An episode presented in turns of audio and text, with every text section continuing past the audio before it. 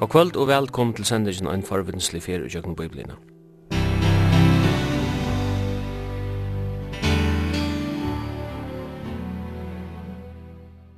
Henta sending er at høyre lindene kvart mykje kvöld klokka 19 og endersendt verir frugjöda 17 bar klokka 15.30. Og i studion er Simon Absalonsen, Jekvan Zakariasen og tekniker er Taur Arne Samuelsen. Sendingen kommer i kveld snikva snigva som fyrra Thessalonika brev. Paulus apostel skriva i tvei brøv til samkomna og i Thessalonika. Han hei vidja bojen av missionsfyrsøyne som vi leser om i apostelsøyne Seijan. Og her vi var samkomman og i bojen grunda. Bojen Thessalonika ligger i Grikalandi, og han er røysen vi røpter Thessaloniki og er best og det er kjentur som feriebojen Saloniki. Saloniki. Bøyeren var av døven Paulusar sentraler, og hever fyrir utbreislinni av kristendommen haft strategisk antydning. Høves evne og i hesson braunen, fyrra braunen som er fem kapitlar, er atterkomma herrans. Hesen sannleggi er Jesus kjemur atter vir omtalar jøkken alt brev. Paulus amener til kristne i Thessalonika at liva løsut og ljósunum av rokkenskapardenon ta Jesus Kristus skal åpenberast. Samkomman i Thessalonika var iveladen til seg sjálva, etter at Paulus hei grunnlagt henne. Vi vite ikkje om bonar apostlar og kunde leia fylgje vujar ta, men i Thessalonika vaks ein stersk og byggvinn samkomma fram, og hetta feknas Paulus om i Thessalonika brød. For Forfylgjingen i Thessalonika var øylig, men Paulus amener teg og trøsta teg, og i til særlig kristne vannene som er hetta, er at Jesus Kristus skal ein dag koma atter. Og jeg kan, jeg kan godt hoksa meg at spørsta byrja vi, hva vidar vi om byen Thessalonika fra til apostoliske tøyen? Byen var sjående en langt ta i Paulus kom her til en gammal byer. Eh, det var sagt at Kassander, det var eh, verssoner Filip Malengton. og vi vet at Filip Malengton var papi Alexander den Stora så, så det har sett samma som det var i, i tog stora familjen tja Alexander de Stora og hans herre forsfedron. eh omlai år 315 4 krist var eh bojuren grundaver. Og Kassander gav byen navnet etter konesun, som er Thessalonika. Og til her han kommer, kommer fra, eller navnet kommer fra. Og han han existerar som en stor bojur og en områdande bojur i Makedonia kan man kan si. lika fram til Paulus värreisen og ta Paulus så kom til Thessalonika her og var ære fer för ta vær eh, Thessalonika en en känd bojur han var känd for det første av tog at han la ekvilja vel fire geografiskt ehm Hasa veveren som vi ofta har snakket om, som Jack fra Rom og allavegin Estretter til ja, tjøkken Lutla Asien og helt til mye øster og langer øster etter enn til. Eh, via Egnetia eh, var han veveren kattlaur, og, og det var høvesveveren som, som får i tjøkken alt det romerske rujtje, hver allur flottningur og handel eh, tjekk fyrir sjå. Og alle bøyene som lå og atøy vennom var strategisk handelsbøyer, eh, Og det er det samme som at Thessalonika var eisne en bøyer som var en, en handelsbøyer og eisne i døven. Men eh, av til han la eisne ut til Sjekven, så var han eisne en kjent havnabyer. Og, og, og, og sunde som gikk, som gikk opp etter handa. Det var, eh, det var sund som, som sjående skilte eh, Lutla Asien fra Europa, som gjør det til at alle flottningene av Mielhavnen eisne for i jøknen Thessalonika og så kanske vojar härifrån opp til Rom og så vojar. Så hade var en en ryggbojur eh bæg til det kommer til handel og til fiskeskap og her var nekkfalt, Det var en stor bojur langt av Palsardöven nästan. Det har sagt at omlai 200 000 folk bovo i Thessalonika langt av i Paulus kom her. Um, og, og er det ferne sjans her det. Og bojerne det hever, hever bare 300.000, så han er ikke voksen til store eh, sujan eh, første ølt etter krist, så nu kjent 2000 år er han bare voksen vi 100.000 innbyggvann. Og Paulus har døven var høves høves innbyggvanner i Thessalonika var grikkar. Men lukka så, så var ein eh, nok stor jødisk eh, koloni i Thessalonika Og da leser vi det eisen fra begge, eh, det er særlig fra Apostelsøen, kapitel 16 og 16. Her er det, i kapitel 16 er det Paulus kommer til Thessalonika. Og her leser vi at Paulus får som han var venner inn i synagogo, jødene.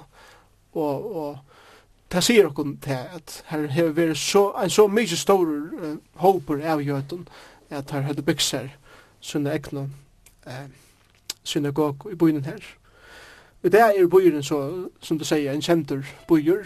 Jeg vet ikke endelig det hvordan kjentur han er rent kommersielt i, i Søli og så videre, men han er kanskje en, en feriebøyer som, som eh, nekker turister kommer til i det. Eisen er søveligen grunden og arkeologisk grunden.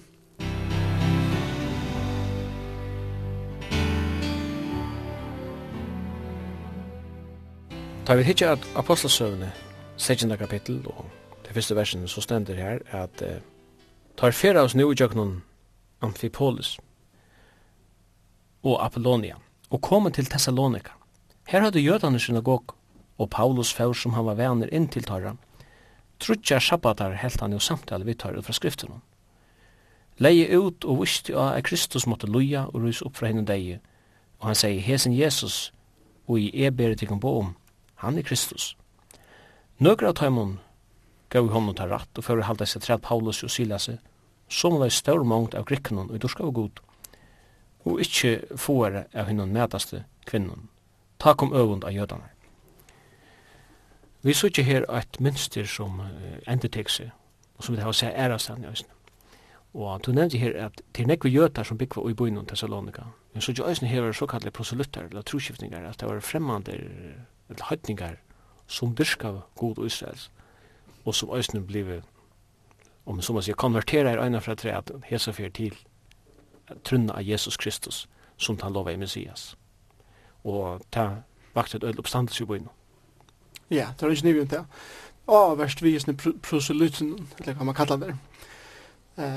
Hetta kommer sjån den Luka fra gamla testamentet er tog at ta en heitnukker engst til at byrja tilbyja eh, god jødana, Jave, så, så får han i jøkken en ceremoni hver eh, han som måtte eh, djeva seg under trunna tja jødnen og alt det som til til hørte. Og så her leser vi så at det er grikkar som er blivna jødar, som nu er blivna kristner, og, og det er samme som ikke best til Paulus finnes i motstøve fra jødenen her, at han får inn i synagogen. Han er eisen fyrir måste fra grikkon, men det er særlig jødene som, som har vakt øsing. Og vi søkja det minstri allan vegin i jøkken og nødja sement. Og jeg tykker at det er bibels minstri, at det minstri eier av veri her, at ta og ui sannleisje veri predikaur, så veri oppøsing eh, av teim som ikke vilja bodja seg under hans sannleikan. Paulus kjemur, og han ferast i jøkken Asien, han kjemur inn i Europa, og han kunngjør eh, Jesus Kristus som einas av vei til frelse, særlig ui en, uh, en tui som, ja, som var ekvelig pluralistisk, kan man godt sige, og, og, og hun var ekvelig eikjent av, av goden, særlig ui, ui middelen grikkanar, eh, eh, at, at jeg høyde så utrolig nekvar godar, de tilbå ein god vi kjenne vekkren, og en god til de for å ferast ein god var i vatten og en var i kjekven og så var man kunne bli vi har nevnt eh, sånne her ting som var sånne godar var kan man godt si det kommer Paulus og sier til ein god og det er nok så avvers, de første kristne var kallet for ateister at det er bare ein god men det er så sjående det er ikke samme tøtninger som ateisman hever og i det Uh, Paulus hever veri i Filippi i 16. kapittel i Apostelsøen. Og, og her ble eisende øylig oppøsing i byen her, som enda er vi at Paulus var kastavur i fengehus i Filippi. Det var så avverst da vi leser andre Thessalonikerbrev, så, så viser Paulus av det som hendte dem i Filippi. Så, så her sørger vi søvelige sammenhenge, eh, hvordan det passer sammen eh, her hugsi om Thessalonikerbrevet, og passa sø søvlig saman, og geografisk saman vi apostelsøvna. Og dette gjør okna enn for en plegg vi på myndelaga biblinar. Hvis leser til dem så i, i Thessalonikerbrevet, anna kapitler, anna kapitel, og fyrsta og anna vers. Her sier Paulus vitt deg, han er vittnet fyrir dem avur, tid vita jo, brøver, at inngongten og i fengsetikkum var ikke lunches. Så sier han, nei, ta av vit, som til vita, hadde li illt framman undan og var illa viffarnir ui Filippi. Fingar vi tog dirvi ui god til okkar at tala evangelium gods til tikkara under miklun struje. Og vi, vi lesa eisni ui, ui 16. kapitlet eh, i Apostelsjøen vers 22 og 23 eh, såleis. Eh, eisne falskje reistus mot heimann, høyde tattar eru ui Filippi Domaren låt ta klægene skri av teimen og søttu at de skulle være huflangt. Ta i teirne hadde givet teimen nekslø, sette teir teir i fengehus og søttu vi fengevaktaren at han skulle ansa vel etter teimen. Så her er det som Paulus sipar en søvle til her i, i det som hendte i Filippi fyrir Thessalonikamann. Og, og hendingen i Filippi var sjående den kjenda søvan om fengavaktaren Filippi at fångselshorenar springa opp og fengabakken her atler ikke er av seg sjálvan men Paulus sier vi er atler her og han bodger seg nyer og sier hva skal jeg gjøre for å bli frelster og Paulus sier du skal tryggva Herren Jesus Kristus. Nu kommer han til Thessalonika og sier ene for seg at ene som vever til god er i kjøkken Herren Jesus Kristus. Det han sier er veveren, sannleggen og løyve og ønsken som vil feiren og ta mer. Og det var hettar ministry og hettar året som gjør det til at det var slik oppøsing motor eh, tog som Paulus sier tog at Paulus sier at Kristus er eksklusivt veveren til god som flei beint i høtte av falskjen og det er saman som vi lever i en postmodernistisk tog i det ta vi standa opp for absolutt hans sannleika. Ta flyr beint i høyde av teimen som er nokta absolutt hans sannleika. Man kan säga att han är så att det är i ordan att du tror på Jesus som en sannläggare. Men du må ikke trykke på han som sannleggen. Ja, det, det er en typisk postmodernistisk, pluralistisk hoksnar åter. Um, postmodernismen sier til at, at du kan ikke si at nega er religiøst, eller atrunalit, ratt, eller skreift. Du kan heller ikke si at nega moralst, ratt eller skreift. Det som ratt for meg, Ja, men det kan til affyr meg, det pusher alt fyrir til. Eller det som er skreif fyrir til, det pusher skreif fyrir meg. Pluralismen sier til at öll kunne finna sin egna ved til god. Det er det samme som ugjennom modernistiskare, eh, rationalistiskare, tog hver tver religioner kan stå fullkomlig motsetning i en postmodernistisk kultur som vi lever i, sier vi, ja, men det er ikke motsetninger ut det. Jeg tror at det som er rett for det, ja, men det er fint for det, og det som er rett for meg, er rett for meg. Så jeg finner min egna ved til god. Korsene, så er det AHV-verst at hitja et Vesterheimen og i okkara tog, og fargen, til det er at det er så mye som sier at du kan sikra fargen du vilt, og, og jeg kan sikra fargen du vil, Men så langt som du ikke blandar året Jesus Kristus og på tog at eh, ein som kommer og sier at jeg trykker Jesus Kristus, fer meira målstøve enn en annan som sier jeg trykker på Allah eller Buddha. Og, og det tog er anten som vi lever i det. Navnet Jesus er, eller eh, grundlærer Bibelen eh, moralske standarder som Bibelen setur, eh, vil alltid kritisera og rakka nyer Kjolt om de som som rakkar da nyer sier at ene kvar hver lov og det som han vil. Men det er sagt eh, i åren, men det er ikke praksera i gjeren vi akkurat høy.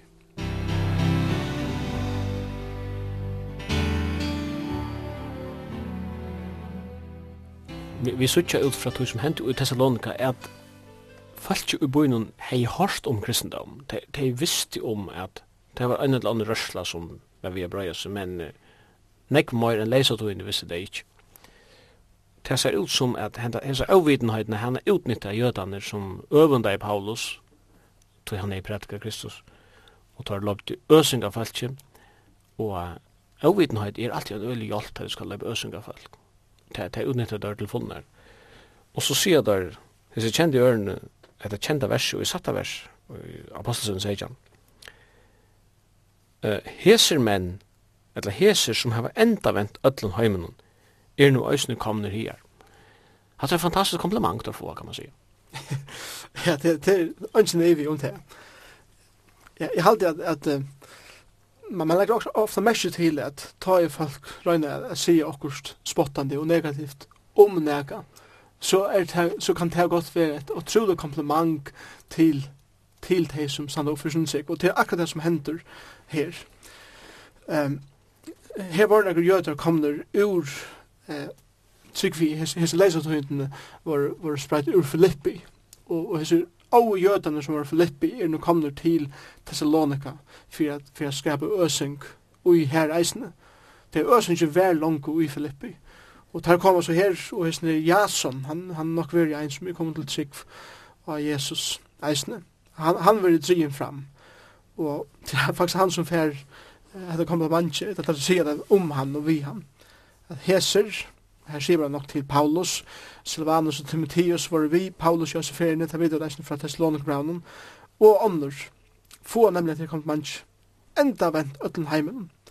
Og nå er at det er kommet til okkon. Og det som er så avverst, det er at til akkurat det som hendte, Thessalonica blev endavent av tog at det var noen folk som sett seg fire at halka sitt liv til Jesus Kristus. Og til alt det som hender.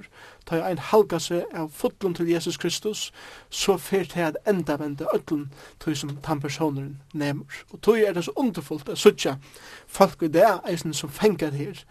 Eh, man ser en nek middel ungdom, men eisen middel allar aldrar. Eh, folk som fæta hver Jesus Kristus er, og det er for å brenne fyren, gjør det at det smittar i vitt lander, og det er til største suttja, eisen i okkar land i det.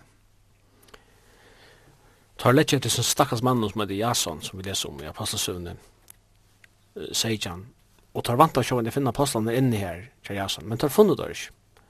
Og så nøys det sin gav Jason at det er pant etter seg. Så er det spurningar som jeg ikke har svære på sjølver. Jeg vet ikke om du har et bo på det. Hver er det apostlene akkurat nå? Da finner du ikke. Krekva det ikke, eller hva? Ja, altså, Lukas sier han ikke om det. Og, og, og det er det samme som at det som jeg sier, eller det som er sagt, er spekulasjon.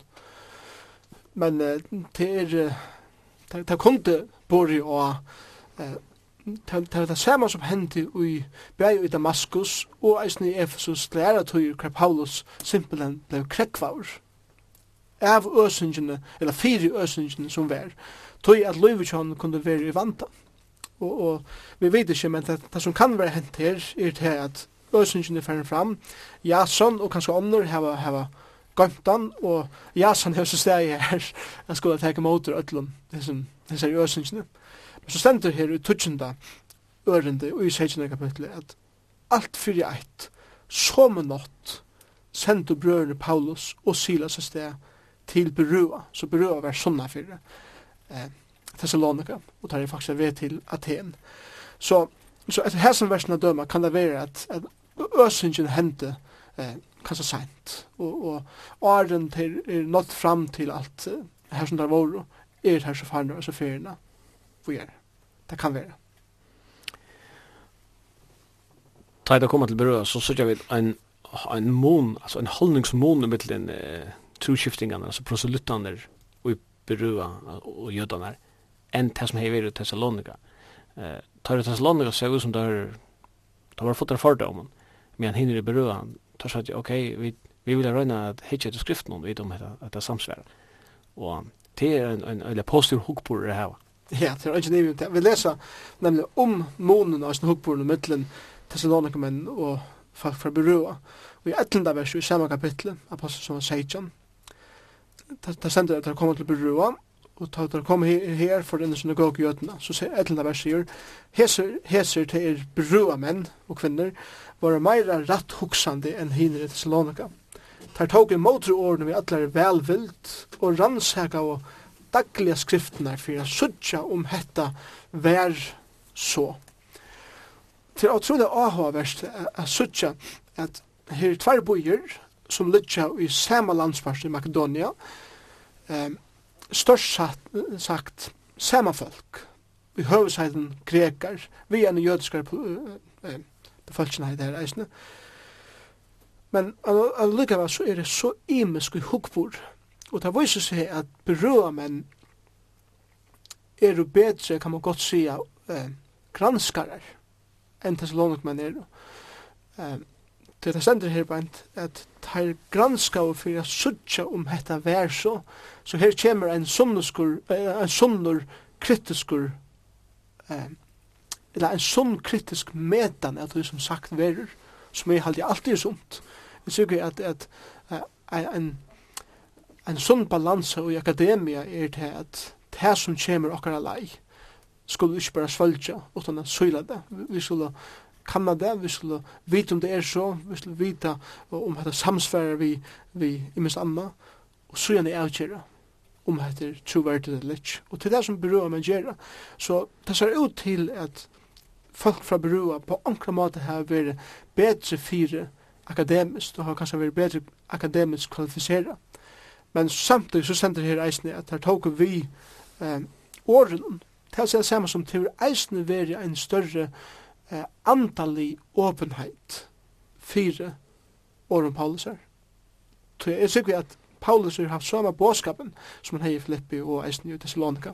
Ja, Jesus Kristus er eneste vever til frelse.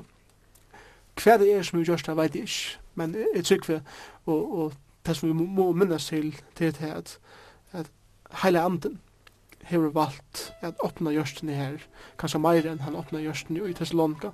Kvoi, det veit ikke, god er suverener, han veit hva han gjør, men her så ikke det dømi, eh, et søvlig dømi på tver imenske reaksjoner og på sama båskap.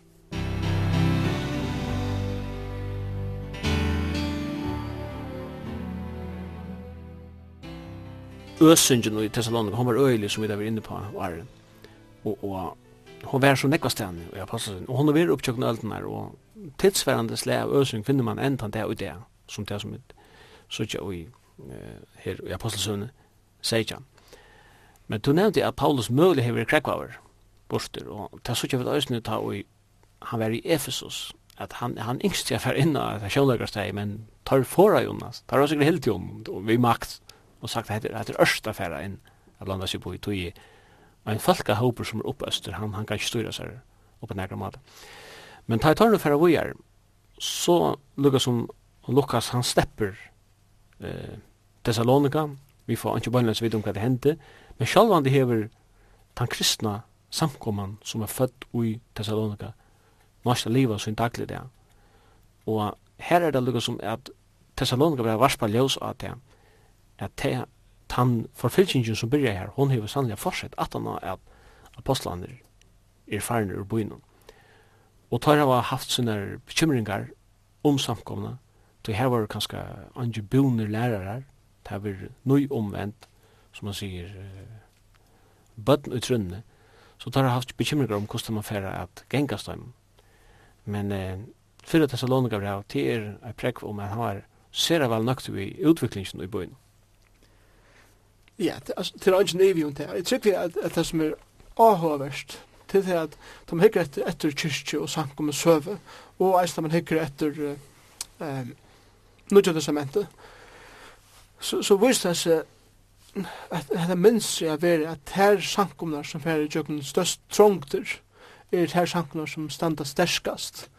Og jeg tror vi at, at uh, gå og sunn bibelsk godfrøy er nemlig at, at trångt og bonaskaper stendet saman.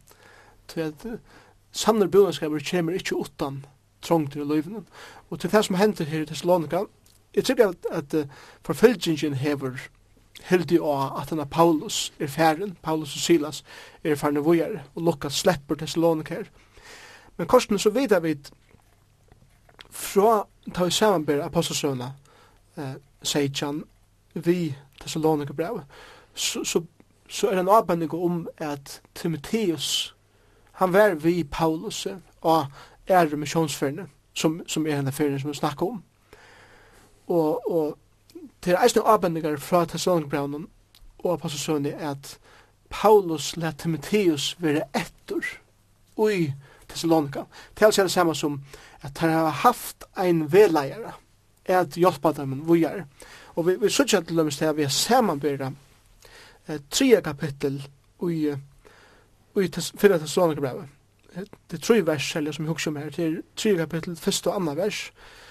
Eh, her leser vi Ta vi tog ikke langt var mentra bedre til heldur vi det være best er være ensamma til etter i Aten og vi sendte Timotheus bror okkara og tænare gods evangeliet kristar er styrkja tikkun og amana tikkun om tryggtikkara. Så om Paulus vil lette være etter beint at det er forru, eller om han så har sendt han atter sin seitene, det er kanskje en avbending om det. Så gjerne eh, satta vers, i 3 kapitlet i 4. slåningbreven, sier Paulus, men nu Timotheus er kommet til okkara fra tikkun, og boi okkom eh, gode tøyen om trygg og kærleika tikkara, og om at tid alltid heva okkon i hovo, og i gode minne, og at tikkene landjus er suttja okkon, en okkun okkon eisen lunsa sucha tikkun så er det her grund vi vil tikkun brever trøsteir er og tryggtikkara vi atlar er nei og trångt okkar. Ta er samarbeidet til her vi apostelsøna seidjan og vers 14 og 15 så lesa vi ta sende brøderne vid det samme Paulus av sted. Lyga at sjånen, men så sender men bæge Silas og Timotheus våre etter her. Så, så her sørger vi at, at, at her var etter, og dette samsvær her fullkomlig vi Thessalonikbrev. Og til såles eh, kan man godt sige godfrøyngar, eller særlig kronokulister, der som, der som seta brøvene rent kronologisk inn i det søvelige eh, den søvnlige utviklingen av Nye Testament, særlig apostelsøvn. Hver passer alt det her inn? Så det er sånne vers som just peikar av her, som hessir eh, søvfrøyngarna hava at genga etter. Så her sutja vi, her, her minstri atter at Paulus let henne mannen, eh, Timotheus vir etter, og Silas, eller han var interesseret av Silvanus, her bant i, i Salongbrann, og teir hava hjelpt samkomne a veksa, og ta is Paulus skriver Thessalonikbrev, så, så hever han nekv at rosa dem fire, og, og imes eisne at minna av, og eisne onkur trobeleikar er få oss vi. Men det er jo bare et, et tetjen på en sånn samkomme som hever styrkjer, som hever veikleikar, men som allukavel innskjer a veksa og veksa og veksa. Og det er vi er en sånn samkomme. Ofta høyre folk sier det at ja, vi innskjer vi er en nøytestamentlig samkomme, som om at den nøytestamentlige samkomme, samkommen i første etter Krist, bare hei framgång, og onga trobeleikar hei og så vujere. Men det er ikke en nøytestamentlig samkomma. En nøytestamentlig samkomma er en samkomma som eh, hever styrkjer, som hever veikleikar, men ser, ser hver veikleikar er og hever andre folk har peika seg av veikleikar, og hver løsnen er fire er komme iver av veikleikar og komme vujere, såleis at det kan være effektiv og usunne samfella at noa mennesker for Jesus Kristus. Det tykker vi er en god balansa uh, i en gåare nytestamentlige sankumme, som eisen kan uh, eksistere i einen i öld i det.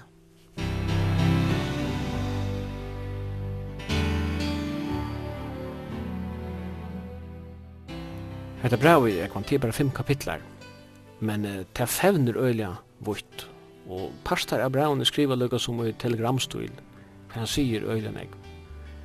Uh, Hvordan bøyda vi bravi opp Ja. Jeg sikker at vi må angre gløyme at det er brev. Og da jeg skriver et brev til, til en vin som er det, så, så, så, så bygde det ikke opp i eh, fem høves iverskrifter vi, vi fyra eh, under iverskriften, under hver en punkt i så vi er. Så skriver man ikke brev. Men allikevel, så, så, så kunne brevene være bytt opp i, i parstar og evner, og, og eisne, det kunne eisne være bort opp i endamal, kan man godt sige. Jeg har fyra høves iverskrifter til, til at det brevet, som jeg selv leste. Og jeg pleier å sette første kapittel for seg selv, og til akkur som, eh, til som Paulus byrger brevet vi har takka dem fire, eh, hvordan det er voksen og i, og i trunnig av Jesus. Og eisne, han takka dem fire vittnesbord som han høyrer om til, og som, som som spjægist ut om alt Makedonia, om deg. Og til, til så første kapittel. Andra kapittel og tre kapittel har vi bundet saman. Og til iverskriftene kallir jeg for Paulus verjur tænast syna og kærleika syn til Thessalonikemen.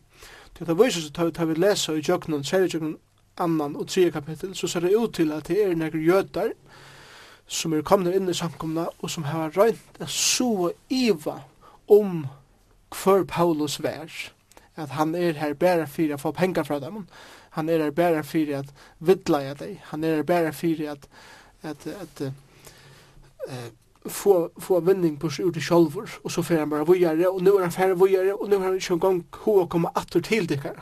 Det er faktisk det som, eh, tar vi et lese med regnar i øren og tre kapitel, det er faktisk hessene snur seg om. Og Paulus sier, og han visste at hei om her i, i tre og øren kapitel, at, og han sier til dem i femte vers i øren kapitel, at god er vittne, at eh, til alt nær kan det komme vid, vi smikrande åren til tikkara. Og, og heldur ikke nekka skolka skjål, eller heve sjuk, eller nekka, vi, vi er kommet for at, for at elska dikkum, for at upplæra dekken i åren for å peika dekken av Jesus Kristus til det som han hever hever gjørst. Og han sier eisen i uisen kapitlen at vi arbeider vi okra egna hånden fyrir at vi slik vi er bira fyrir så vi er. Så, så det er andre kapittel, han verger seg mot oss, anker som hever rønt at kaste iva om hver Paulus vær. Så gjerne, den tre iveskriften som vi har vi av eh, fyrir Thessalonikerbrevet, brevet er fra 4. kapittel vers 1 til 5. kapittel vers 24. Og det er en anmenning om rattan livsstil og ljósnun av atterkomme Jesusar. Det er faktisk det som kapittel 3 og 4, eh, nei, kapittel 4 og kapittel 5 snur seg om. Han sier Jesus fyrir å komme atter, livet til livtykkara ratt i ljósen av at han fyrir a koma. Og det kan vera nær som helst. Livet ratt moralst, livet ratt til det kommer til futja liv i skifte, livet ratt til det kommer til a livet tykkar familjon, livet ratt til det kommer til a livet tykkar samkommun, og eisne livet ratt til det kommer a livet til samfella. Så öll omrøy i livet skulle hugsa om at vi eier livet rattvist fyrir gode og eisne fyrir menneskjon. Og så er det eh, fjore iverskriften, det er, det kallar bara en helsa og ende, og det er fra vers 25, i 5. kapitel til endan, 28. vers, hver han bara helsar samkommende, og han avlegger det bia fyrir dem, og han sier eisne at nei herrans, vi við vitikken. Så så la spyrt er eh, brevi opp til det kommer til men ta er eisne hitje til brevene, og i ljósen av hver endamali er vi brevene, så så så tje fem endamal vi brown. Jeg har langt nevnt uh, noen av dem langt i overskriften. Første endamålet det er at Paulus innskjer, som jeg sier Janne, at takka fyrir ta trygg som der heva. Vi leser det her i tida ørende i første kapitlet. Fyrir årsjong gods og fyrir sjokkara minnes vi alltid og glemme aldri verstikkar i trunnet fyrir det første verstikkara, så fyrir anna arbeidtikkara i kærleikanum, og det tredje tålmåtikkara i vånene av Herre Jesus Kristus. Så han takkar dem fyrir det, og han oppmuntrar det i at det som tikkar i jøkken, tikkara versk, tikkara arbeid og tikkara tålmå, er en veldig vittnesbord fyrir det som hittir etter ikon og takkar fra. Så det er, det er, det er, det er, det er, det er, Ta anna endamal, ta i eisne, det er at han ikke verja seg fyrir hesten her som røyna leipa av hvor Paulus er, og, og troverdigheten at han fyrir som Paulus sier, og det som han gjør. Ta tria, ta er at, her, at han oppmuntrar taimon er standa stinn ui løyingun som det er gengt jøknen. Til at Paulus måtte færre ur bøynum, til at det var etsøkn i motor, det var tryggvant de lever ut i enn. Og han oppmuntrar deg til at standa fast og utrunne, sjalt om de færa i kjøkkenen øyligar, løyingar, fyrir navn Jesus er skuld. Så gjerne, eh, eit av fjóra, og heit er kanska eit av høvesevne i, i, i hesson braunum, og til er at du komma Jesus er at kommer Jesus a vera nevnt i kvarje kapittel i sin braun. Jesus Kristus fer einde å koma etter, etter time som har sett sitt alit av han. Nær ta for henta, sig Paulus, vi det ikke, men ta fer henta, og vi kunne glede kon til det, og vi eier liva okra livsstil og ljósen av tog at Jesus kan komme etter nær som helst. Og så er det femte endamalet, det er at det ser ut til at det er onkur synd eller onkur trobeleikar i middelen til tryggvandi og i Thessalonika. Og Paulus åmene teg om at liva rætt, eh, venda synden i bætje, det ser ut til å være en trobeleis til dømes, det er disse fjore kapittel vi siløse, at, at det er gongen fyrir seg og i samkomne, at, at det er siløse, det er gyndar brune, kanskje er med over her gyndar brune, det er en kvinne, en egna kone, og så videre. Det er en som man eisen nemmer vi, han nemmer eisen vi at her at, at arbeid, det er ein trobeleis som kanskje er og som en missioning var i, i samkomne vært han, er at ok, Jesus for å komme atter, så sier bare alt arbeid fra åkken, og vi nå tror vi ikke arbeid langt.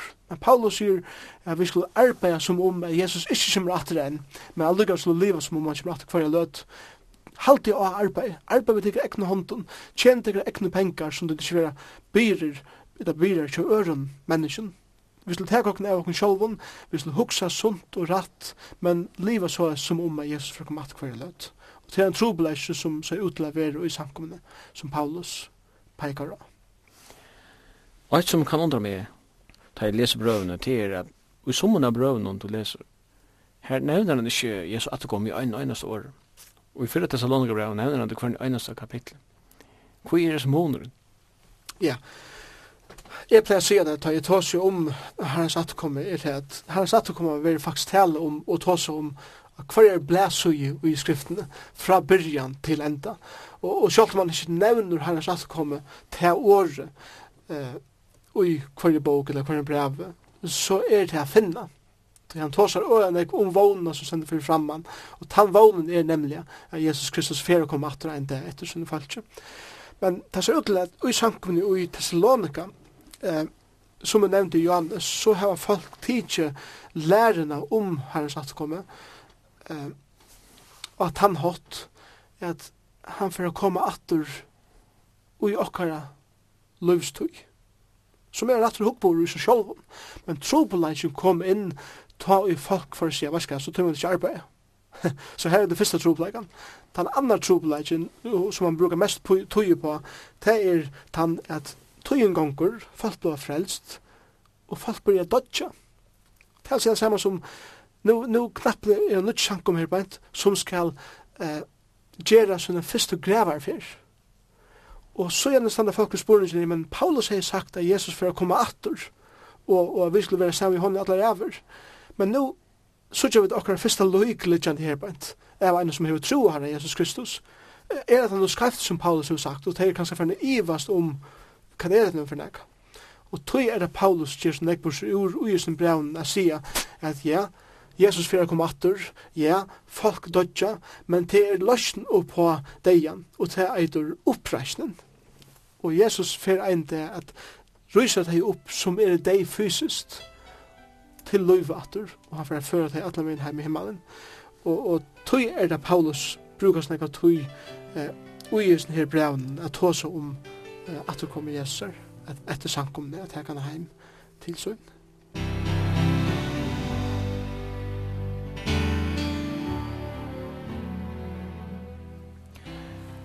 Han tar seg røysen om raffitsen at de som de er i Kristusen, de skulle først rysa opp. Så skulle de som liva, altså, og som liva i vevnene av Kristus, være rikt bort til skudj. Og han kallar det simpelthen fyrir det kristne trøstna, sier trøstu takk for annan vi hesson år. Ja. Det, det er avverst er studerer heila tidsje at du kommer Jesus her, ui som braunen. Vi kunde ganska hukt etter några versen kan han tåsar om at det kom Jeser. Han tåsar om det langt fra første kapitlet. Uh, I vers 90 og 20 leser vi uh, tog hei kungjere sjolv om okkon hvordan vi finner inngang til tikkun og hvordan vi venter tikkun vi til god fra av avgodnen at tjene henne livande sanne gode. Og så er det her, og vanta sånn hans av himmelen. Av himmelen til at komme Jeser, og vanta sånn hans av himmelen, som han reiste jo fra henne deg jo. Og så er det her, Jesus som frelser okken fra vreiene ui kjemur. Det er det samme som at, at han lærer det her, han sier om det her, til livet i vantene om at, eller vantene om at Jesus fyrir komma att. Tan att du kommer som tid suttja fram til og vanta nær som helst. til fyrir för til at de vera frelst ifra vreiene som fyrir koma. Og her, her tås han om ta vreiene som god fyrir at utøysa iver alt åratvis, iver alla synd, hvor han enda fyrir at utrota fullkomlig alla, alla synd og alla åreinsk. Og han sier vi til at herres atokoma fyrir at bjarga tikkum fra til vera ført heim til asjon Guds og til bostad Guds åren hendan vreie vera uthelt iver alt åratvis. Så, så det er det første kan man godt si, eh, sjånarmidla eller aspektet av hva herrens atkomma er. Så gjerne eh det andre aspekti av herrens atkomma, da han tåsar om herrens atkomma i i fyrir til Slåningbrevet, er i samband við taratennast. Og Det leser vi om i i øren kapitlet, vers 16, til endan av kapitlet. Men vi prøver, som stått at vi har vært skilde fra til kun utvarses, ikke hjertanen, har vi større langslig okkara, gjørst okkun tess meira omek a få anletikkara suttja. Tøy vi hava hu, eller vi hava haft i hoa koma til tikkara, er Paulus bei eina fyr og tverfyr, men satan hefur for okkun. Så sier han, Tog kvör er vogn okkara, glei okkara og heierskanser okkara. Og Sverige er det ikke eisen tid til fyrir herra okkara Jesu. Og så sier han, ui komo hans herra. Tid er jo heier og glei okkara. Så hans årene her, ui komo hans herra, sier bare til, ta ui han for å komme atur. Paulus og, og hans herra folk gleda seg til at, at tæna at han er tryggvann i Thessalonika og hvordan det skal være. Um, tog at til denne vogn, til denne glei og til denne heiers kransur Og, og at her, at jeg innskje at tjene menneskjen, jeg innskje at utbreia kærlega Jesus, jeg innskje at vera vittni her som kommer, tog at jeg gjer til i ljósen av at ein dag så skal jeg kunna vera kallaver eh, av Jesus, takk til gode og tryggve tjener. Så det er det andre aspektet. Eisen det er tre aspektet, så kjører vi til tre kapitlet, Og her, her tåsar han om eh, framtøyna, ta i at det kommer jesser eh, hendur. Og det er sånn i etlenda til 13. ørende. Men her, han sjálfur god og feir okkara, og herri okkara Jesus Krist, beinu lei okkara til tikkara, og tikkun lade, eh, og tikkun lade herren teka til og få iverfå kærlagun hver til annan, og til öll eins og vit heva han til tikkara så sier han her og han styrkje gjørstikkare og gjør tikkun ålastande og i heila leika fyrir gode og feir okkara.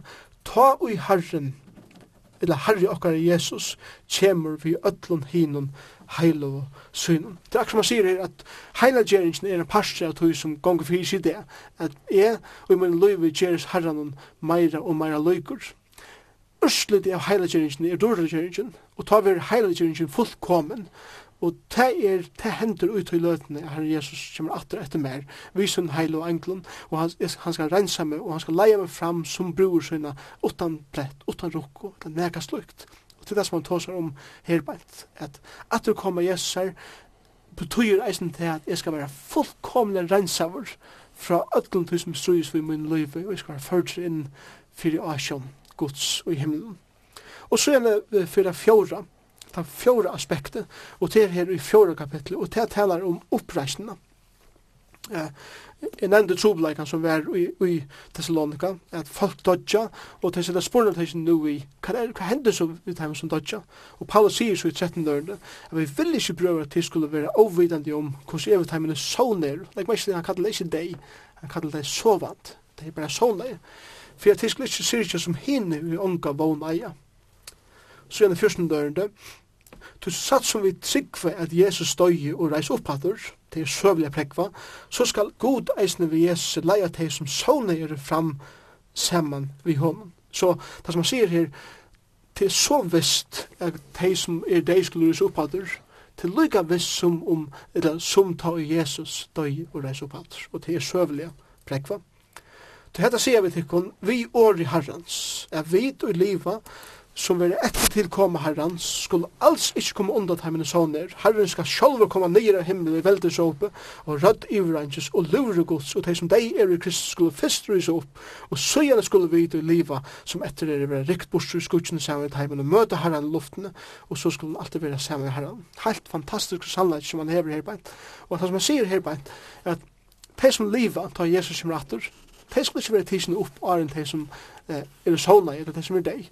Så det skulle rysa opp, og det skulle komme opp eh, av hjørna vid hem som er livande, og saman skulle vi være tisen opp til Herren Jesus Kristus, ta han kommer at. Og han viser, eh, gjerne litt mende av kvæd og i Herrens atterkomma, hvordan for han sutje ut.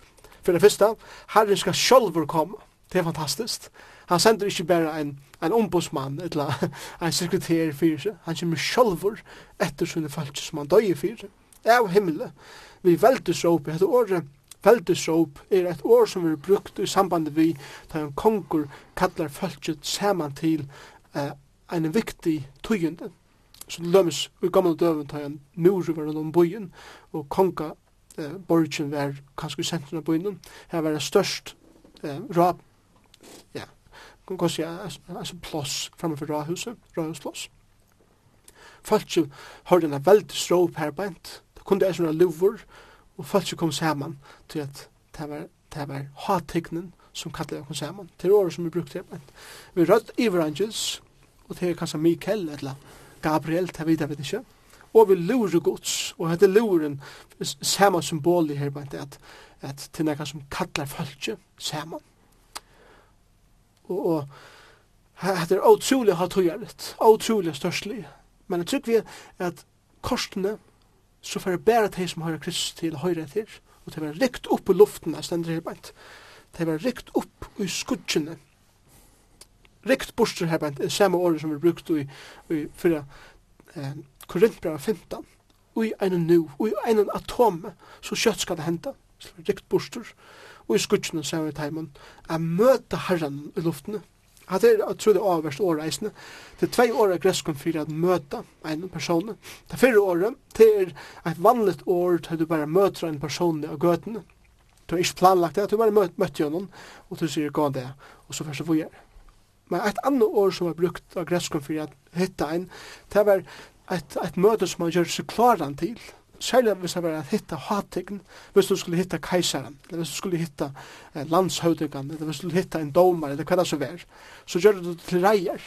Og, og så at du hitti han, så varst du, du, du varst du rødt i klævnen, du sa eh, triva lyr ut, og du visste hva du skulle si, og så videre. Og det er året som vi brukt her, at vi skulle møta herranen i luftene. Han har gjort seg klar til å møta seg i luftene og tema så eisne koma fra okkar suje, er vi i okkar løyvstøyle, og her som vi koma, det som vi sia, det som vi huksa, gjør okkar klar til a møte herran og luftene enn det. Og så er det ikke trøstar i åren her, så skal vi alltid være saman vi herran. Så her sykja vi herrens komme og ljósnum av oppreisnene som er en trøst for gudsfolk, tog at det er vogn fyrir framman. Og så er det ta femte aspektet av herrens komme, Og det sørger vi i, i 5. kapittel, vers 23-24.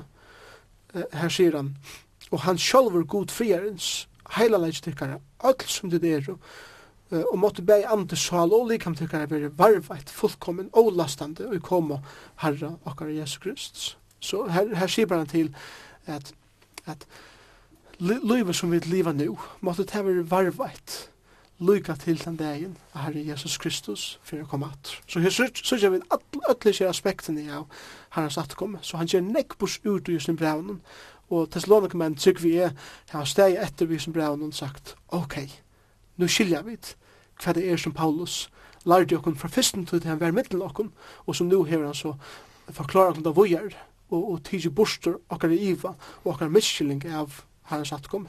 Og tog er dette brevet her som står en tøtning, eisen i sin samme evne og i det, så vi kunne liva eh, i samme med i reglun og i akkurat tog og i det. Du nevnte at han brukar året svøvner om deia, og det er så ikke vi er det nu i Bibelen, og det er ikke avkjent. Stefanus ble støynaver og han ber for dem som støyna han til leia og så såna han stendet da, og Jesus brukar det samme om Lazarus. Da man huksar om hvordan borsker degen er. Jeg standa ved en hospitalsang til dem, så missa samband vi en som man hever kæran. Og så sier jeg til at Biblian, i for to personen, som har sett lydsen av Jesus Kristus her løyen, så brukar han det sækleis av årets. Ja. Det er flott. Ja, det er, det er utrolig flott. Det er utrolig, utrolig trøst. Vi må ikke uh, forsmå det som hender til og en tryggvande med eller kvinna døyr. Det er en allmedelig sorg og sakner til at heimen som standa etter. Og, og, og det er, det er nekka som alltid kommer å være. Men jeg tryggvi at ta ui en kvinna misser sin mann som sett sin alit av Jesus Kristus. Ta er den en, øle sorg, en øle saknung, saknar men jeg tryggvi at innanfor alt det her og, og under öllnesen her er nemlig at trøsten ui hessen her at ein dag skulle vi alltid være saman vi herran, og til en medelig stor trøst og i tøy.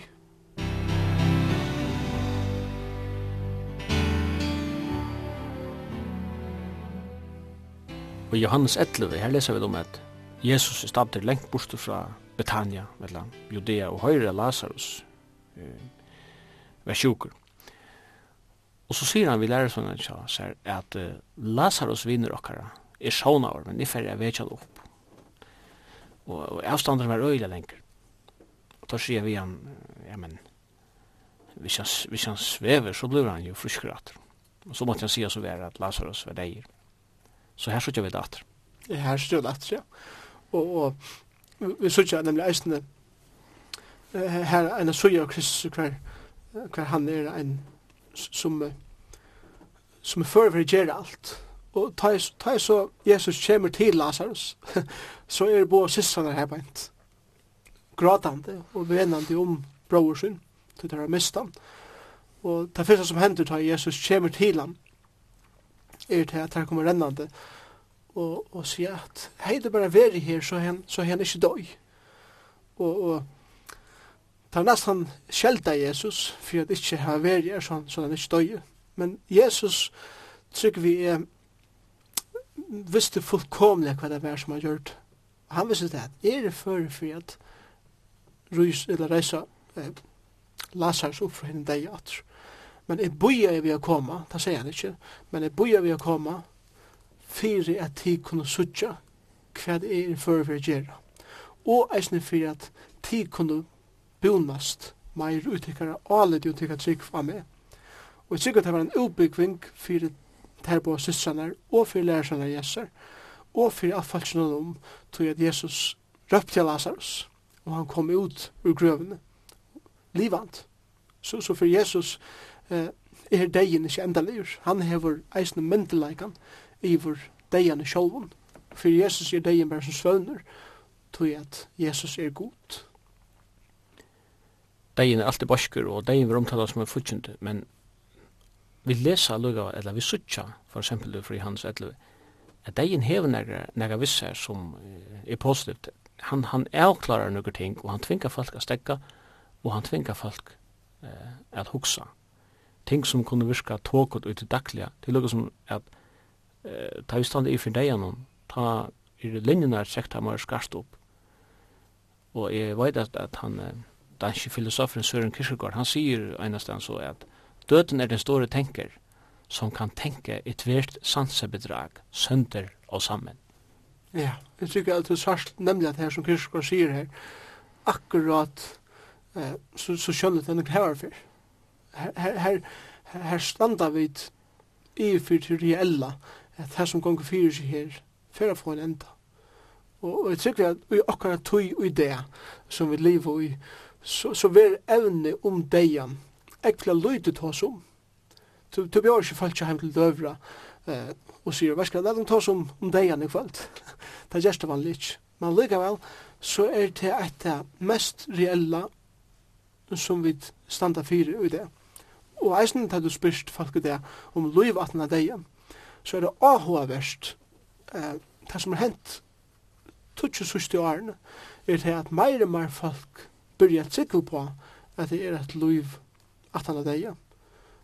Hva er det som gjør det, veit ikke, men jeg trygg at det er til at folk du har suttja at det må være okkur meir enn bæra hos en stutter røygrunn av livet som vi liva her det. Jeg sa en kanning eh, fyrir vikene, Ørslidig av en kanning som var gjør i Danmark og 1940 Hun visste at 30% av danskaren og i 1940 tror på liv etter deia. Og i det visste en tilsvarende kanning at 38% av danskaren tror på liv etter dagen. Så teorien om at uh, samfunnet blir mer og mer rasjonaliseret eller sekulariseret, hun heldur ikke ordentlig. Nei, det gjør han ikke. Og jeg tykker vi til eisende tog at uh, vi er kommet til disse togene som lever i det, som er en postmodernistisk tog. Den rasjonelle modernistiske hoksnar, at du kunne bare kalkulera det fram til alt, og så kunne du eh, hakka standarden av løyve og løyvstøy heretter. Eh, folk er kommet til det at jeg men, altså, kan ikke gjøre det samme til livet 20-20 år mer eller mindre. Det er en enda lukka. Og det som er avhåverst, tar vi det hugsa om det som hendte i Amerika 11. september 2001 ta i Twin Towers eh, skrambla skramla saman og i yfir 3000 folk døy.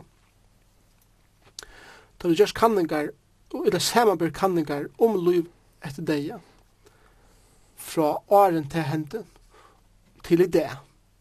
Kanningar som er gjør i New York til dømes, 18. 11. september 2001, viser til at helt opp til 40 prosent av fölkje. Hugsa nu avorlig om at kanskje er det okkurs meir enn eller meira atan av liv her endar. Så det er det samme som at alla kalkulasjoner, alla rationalist, rationalistiskar hugsnar eh, om hvordan alt skal, skal være, være skramblare saman som er korsthus, bare av einar tragedie som hender menneskene.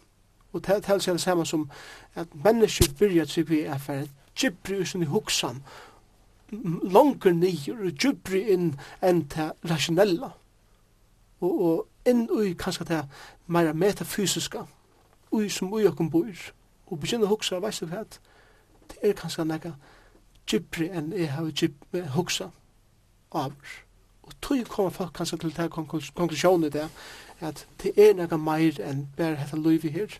Og tøy er det eisen som vi sier det, nekva sannar, at folk sier at Kristus er kanskje eneste sverre og på heimsins nei. Du nevnte at det er ikke populært det at tås om deian. Man kan si på en måte at mentanen tjåkon, hon fortrøntjer eh, deian som er samtalen. Men det har funnest mentaner eh, tjokon tøyunar som kanskje har brukt haft deg til et høvesamtale evne. Ja, det er ikke nivå til, Altså, det er videre vi rent søvlig fra viktoriansk her til i England, så stod som, stod som, som det, var eh, det et, et evne som var vanlig at håsa med middelfolk. Hver og i samme tøyene i England var det aldri tås om det seksuella, eller sensuella, og akkurat døgnet det er samarbeid til verit et utrolig sår lentelagt av det sensuelle eller seksuelle. Og løyd lentelagt av lagt av degen så sjåan det her er tøyer. Og jeg tykker vi eisne det er kanskje nekka geografisk ut i eisne her som degen er ekvelia kjønnligur og her, her huks jo om, om land som den tredje heimen. Eh, jeg huks jo om hver mennesker vittna at folk dodja kvante og i hungersnei og i katastrofen og så videre. Her tykker vi at deien er et vanligere samtaleevne enn til okken i Vesterheimen det, hver vi kanskje ikke heva sånne tragedier som henda er stender. Men jeg tykker vi at visse Vest-Europa og Vesterheimen er hele om man er tog for at jeg kjennast er det samme som jeg kjenner andre støy så for degen er blevet kanskje meira eh, vanligt evne fyrir okken. Og trygg for at det er avvirska og trolig nek eisende den andalige religiøse hoksanraten til falskjum som vi sutja så utrolig løyde til eh, i Vesterheimen det til det sendt seg vel til tjokken, og at akkurat løyvstøy og løyvstandard er så å møte nek hagre samanbore vi alle ærestannar og i heimen.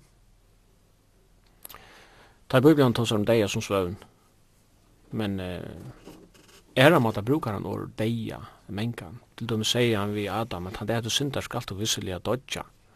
Och han syndar ju och han levde ju nekvar att han det. Men, men han är dejer ut handförstande, han blir skyldig för god. Det är något han verlig, han alvorlig dejen människan kan standa i för. Det han tandskillnader. Ja. Og til, til nemlig, som du sier, til, til den alvorlige dejen, til den andalige dejen, som er skilnaver i middelen god og menneske, er til at synd er kommet i middelen. God er en heilare god, god er en rattvise god. Heilaleisje hans her kan ikkje sutja synd, og, og synd kan ikkje komme nær heilare gods. God er rattviser, til seg samme som God hever rattvist dømt synd og syndaren. Til seg samme som under rettvisa dom gods er det øgn mennesker fortapt. Og det er ved til en, det som Bibelen kallar den annan deien, eller en evian deia, en evian skyldna fra gode. Men til bedre så endar søvan ikke her. Gode heilavur, gode rattvisur, men gode er eisen anna annan som er nøye og kærleik. Og her er det at Jesus Kristus kom nyr til gjerar, god sjolvur, at dodja fyrir, fyrir synder menneskans. God døye for at vi skulle liva. God døye for at vi skulle fære iver om fra deian til liva. Og God som hever alla myndelæka og, og hever all rei av deian. Eh, gav sitt liv i deian, men tok liv i opphattur ur deian. Og God lever enn i det. Tøy hever God giv en, en utve fra deia, og til Jesus Kristus og, og tøy her vi så avmedelig folk som er deg i det, her hos om andalega. Jeg har en, en god mynd, eller en, en, en godt åravel av menneskene det er, er nemlig her at folk i det lever ikke, men det eksisterer. Og det er store måneder av at eksistera og at liva.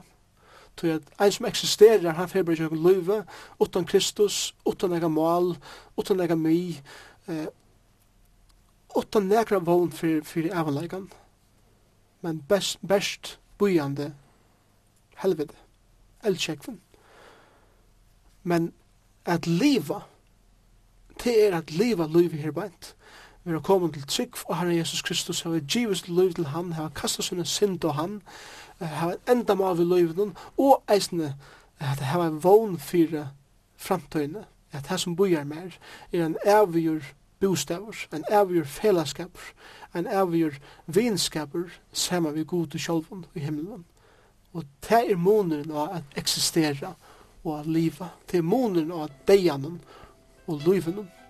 Og det er det aller viktigste for okken er kunnkjera at den andalige deien er rævligur, men løsnen er Jesus Kristus, og folk kunne være vakt opp fra dem og deg i det, og få et evigt liv.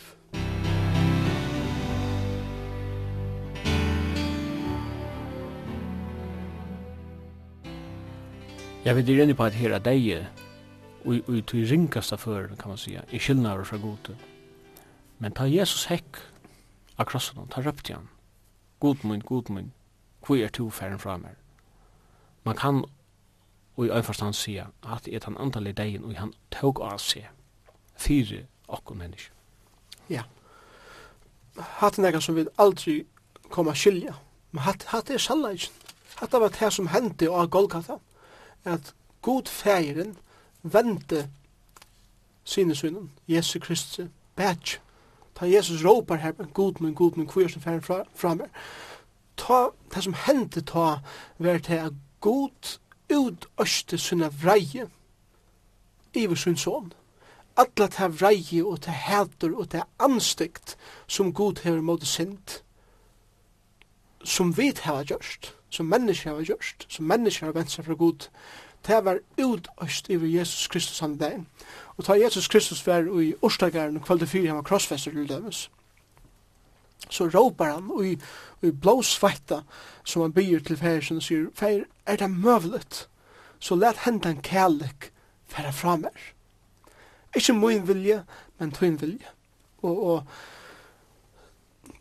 ta i høyre omkring folk sier hva kærlekren er, så, så tykker vi ikke til å være kærlekren til at Jesus var bensje for å dodja. Jeg tykker ikke Jesus var bensje for å dodja det var heller ikke kærlighet fire til spotte og hei som han stod fremme fire, da han skulle være slien og hovflongter og sputter og, og, og spotte over av eh, hermannen. Det var heller ikke det. Det var heller ikke øtten for pynene av en lelter i kjøkken hender og kjøkken føtter. Det var heldig ikke det. Jeg tror vi at det som Jesus og i sunnen menneskelighet styrte fyrir fra fra motor og som han be om om til møvlet det var nemlig at hitje og kærleken som var sint menneskjans kvørst mor kvørst badna misbruk kvørst bam kvør avgoda dyrskan allar her rævlig gjerri som er vært gjørt der vær ui hesen her kærleken som Jesus skulle tega oss i sjálvan. Og ta han hukti ui etter vamleis han og han sier er det møvlet så la det fara vujere men vær vilje tøyn ikkje moin. Og så leser vi det om i Johannes hva, hva Jesus sier vi Peter at han har rønt at høgt øyre er oss i vakna som etter Jesus. Skal ikkje gjøre det som ferie mun har sett meg fire. Skal ikkje drekke kærlighet som ferie mun har timen. Og det er som Jesus sier her, hette det som skal gjerast, hette det eneste som kan gjerast for at mennesken skal være frelst. Så leser vi til Jørgen Krimpra 5, 21, at han til Jesus som kjente ikke synd, kjørte ham til god til synd for jokken, for at vi ui hånden til Jesus skulle være rettvis og gods. Det er det samme som ta i Jesus røpte, god med god med hver som færre fra meg, ta vente god Jesus bætje, øste sånne er vrei i han, men Hetta samtidig sonen som han elskar hei tokka til. Og ta Jesus hei tidsje skulden på seg sjálvan, hei golde fyrir henne, hver deir og reis upp for en deir, ta kunne öll hei som, som heva synda, koma til Jesus, og såleis vera rattvís framfyr asjon gods. Så det var godt av Jesus røpte henne deien, god mun, god mun, kvir fern framme, til det gjer til at jeg nu kan komme til han, og i Kristus. Hetta brev som vi da var inne på, fyrir Thessalonika brev, det er innihelder øyne nekvar, grunnleggjande evangeliska samlegar, så stått som det er. Og det er ikke åksande, dette kan ha vært et, hva skal man säga, sirkulationsbrev. Tog, så vet du hva et, er dette kanskje det første brevet fra Paulus og han som har nødt testament. Ja, det er kanskje et av dem, dem første. Og Paulus sier, han sier det i sin brev, og i tjej kjønne ørende, og i, femte kapitlet.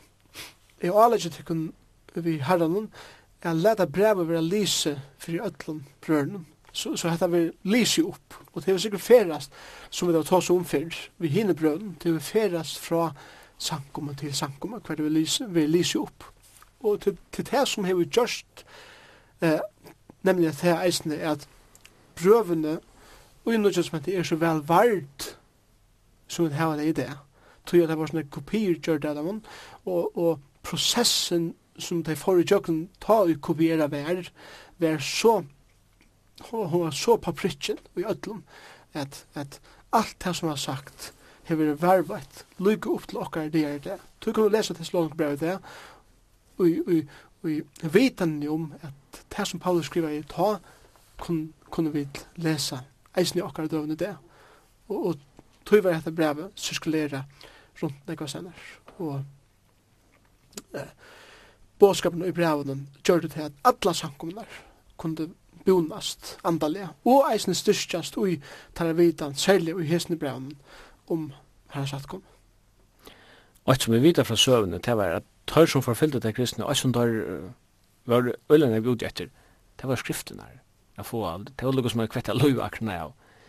Men um, allukkevel er det ikke søvelige uh, tilborer og i heimsøvnene som er så vel dokumenterer og som har så nek grunnleggjande eh, kjeldotilfær av bygja som bådskapen, den kristne bådskapen.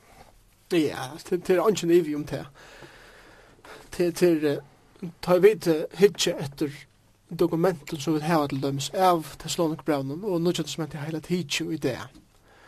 Så har vi samanbor vi annan litteratur, eller er her bokmenter, fra som tøy som Nytestamentet skriver, så har det ikke så gammel dokument som de nytestamentlige dokumentene. Vi har heller ikke nægge er så nekv dokument som de nytestamentlige dokumentene. Vi har ut det, om vi, om vi teka eh, om det er alt nytestamentet eller parsta nytestamentet som er funnet, og vi har greskon, eller vi har alatuin, eller øron, eh, malen som, som eisne var tala i ta i tøyene, så har vi 25.000 handrit av nødja testamentet og i det.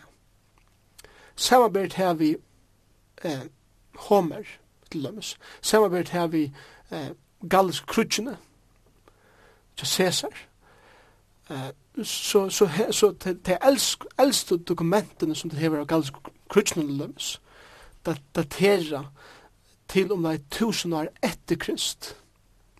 De eldste dokumentene som vi har av Nødja Testament datera til om det 130 år etter Krist. Det er altså som bare om det 130 år at den originalen var skriver har vi eh, kopier av i det.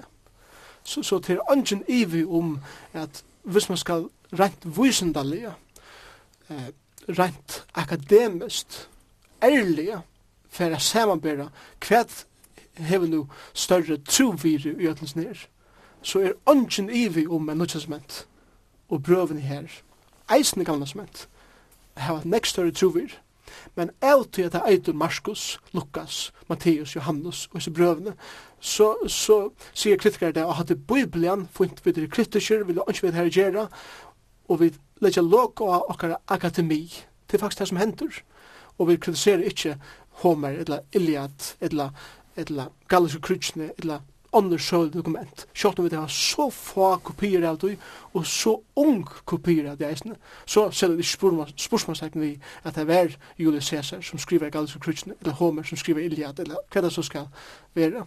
Og, og tog er det tog er det ikke jaun var rent akademisk og kritisk, og i hessen her tar vi tar vi studera gammal litteratur och samarbeta eh, cirkulera sövligen och bibelskan sövligen litteratur. Man kan säga att för fördomarna som förtrönja visundna. Ja, tyvärr det er så läs och jag tycker att det är för att vara så läs alltid. Tui at ta i ta, ta i alt kjemmet til alt, så er det ikke bare eh, vi kjøt og blå bare det en det er en andaligur bardeie som er eh, lengt omanfyrir okkara vit som hefur vere lukka fra orsakaren i eten og som fyrir fortsetta lukka til at Satan vil kasta over i eldkjekven sjálfur.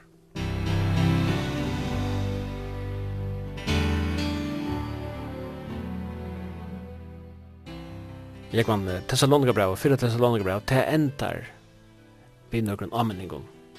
Man kan se mer eller mindre ut til gramstøyl Veri alltid glægir, bi utan uihald, tatsi öllum førun, slett ikkje andan, vann vi ikkje profetiska tale, og så framvis. At er, det ser ut som han, han røyna sida nekvi faun år. Ja, det er ikke nivet, det er nesten så at Paulus han, han skal skunda seg til okkur, som har lukka skriva nokkur år nyer for minne det var forskjellet. Og til dømes, da vi lesa 16. 16. og 18. vers, 19. 20. og 21. Öll teg er ødstutt. 16. vers, vi er alltid glæger. 16. vers, bi utan uihalt. 18. vers, tatsi öllum førun. 19. vers, slötsi ikkje andan. Akkur som han røyner for nekv ting inn her beint. Men allugavel så er det en travur ui öllum her som man endar. Det er, det er, det er, det er, man kan halda det, at han skunda en seg. Nei, nei, han visste jo akkurat hva han gjør det, tog jeg at vi minnes til at han er ivestortur av heile andan. Heile andan styrer ötlen som han, som han sier og som han skriver. Og i femte kapitlet fer Paulus at hos om det herrans, det er han dæveren, ta i herren skal gjøre en enda av ötlen. Og til akkurat han sier det tryggvande først og fremst, at de må minnes til at det er herrans som fer, fer vera som tjover han nått, ta alt sig frier og ønske vant, ta kjemme braver underganger av deg. Og ta skal alls ikke slippe undan. Det er som han sier her, bare, kære, kære Thessaloniker menn, hugsi om de falskjen som ditt liv i middelen. Tøyende gengur om at alt sender vel til, alt er frier, til er ønske trobeleikar, vil heva det godt, og vi lyder okkur sjolv. Ta er det det som ringast til, kjøttega landsmann. Herren, innskjer at mennesker skulle være frelst. Færre ut og nøye deg til at det dæver herrens er så nær. Tider bjørker fra det. Færre ut og få i ånder eisende at jeg vakna. Og han sier, han sier vitt deg her bant. Um, vi satte ørende. Lede okkur tøy, altså grunn til at herren fyrir komme atter nær som helst, og de som ikke var troa han, de som atter færre er fortepast. Så sier han, lede okkur tøy, han sier det vi og troligen eh, hjertaråp her, trykker vi. Læt dere ikke sova som henne, men læt dere vetja, læt dere være etroar, læt dere være uiladen brynje troarene, læt dere være uiladen kærlega, læt dere være uiladen vogn frelsenar, som tjolm, og så videre. Alle disse år som man brukar, hette er år som man brukar fyrir at etja Thessalonikomannen til a sutja tørven ut her samfella.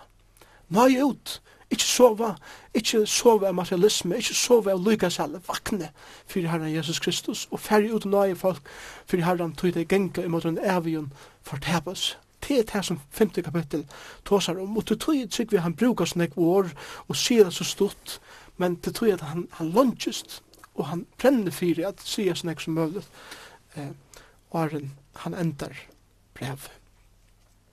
Og, og så sier han, eisen her bænt, eh, vi er alltid gleder, bygge uten uihalt, det er vi er avhalden i bønene, vi er takksom, eh, vann vi ikke profetiska tale, det er vann vi ikke til som tale året til tilkara, eh, vi er sånn røyne til som, som, som vi er sagt, her og så det gåa etter, eh, hukse kritisk, eh, halde det fra ytlun, og så sier han her i 20. vers, så skal han sjálfur god frierens, heila gjerra tikkara, og han skal heila gjerra tikkum, han skal Fyrirkjøndar, han er trofastur som kallar tikkun. Han skal gjere alt dette her. Og det som Paulus sier her er det at de som kommer til trygg for Herre Jesus Kristus, grunda av Jesus døye for de av krossen, at de kunne kasta sina birar av han, kasta sina synd av han, og be han å komme inn i sitt liv, at, at teke iver, frelsa deg fra en evig fortabus. Han er trofaster han släpper dem aldrin. Han, han för aldrin er lagt dig færa eh, och att jag förtäpes där jag tro han. Og han skal føre deg allan vegin heim til himmelen. til han har kallat deg, og han skal gjøre det, sier Paulus här bant. Och så ändrar vi si at Nai Herra okkar Jesu Krist, vere vi tikkum.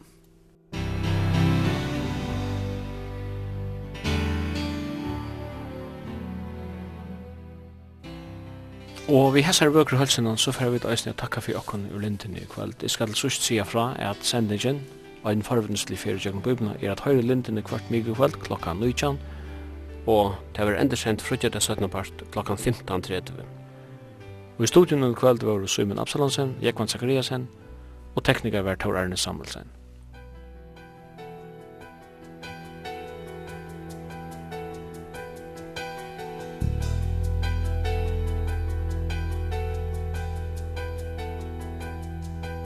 When he rolls up his sleeves He ain't just putting on the Ritz. There is thunder in his footsteps And lightning in his fist. The Lord wasn't joking when he kicked him out of Eden. It wasn't for no reason that he shed his blood His return is very close and so you better be believing That our God is an awesome God. Our God is an awesome God He reigns from heaven above With wisdom, power, and love. Our God is an awesome God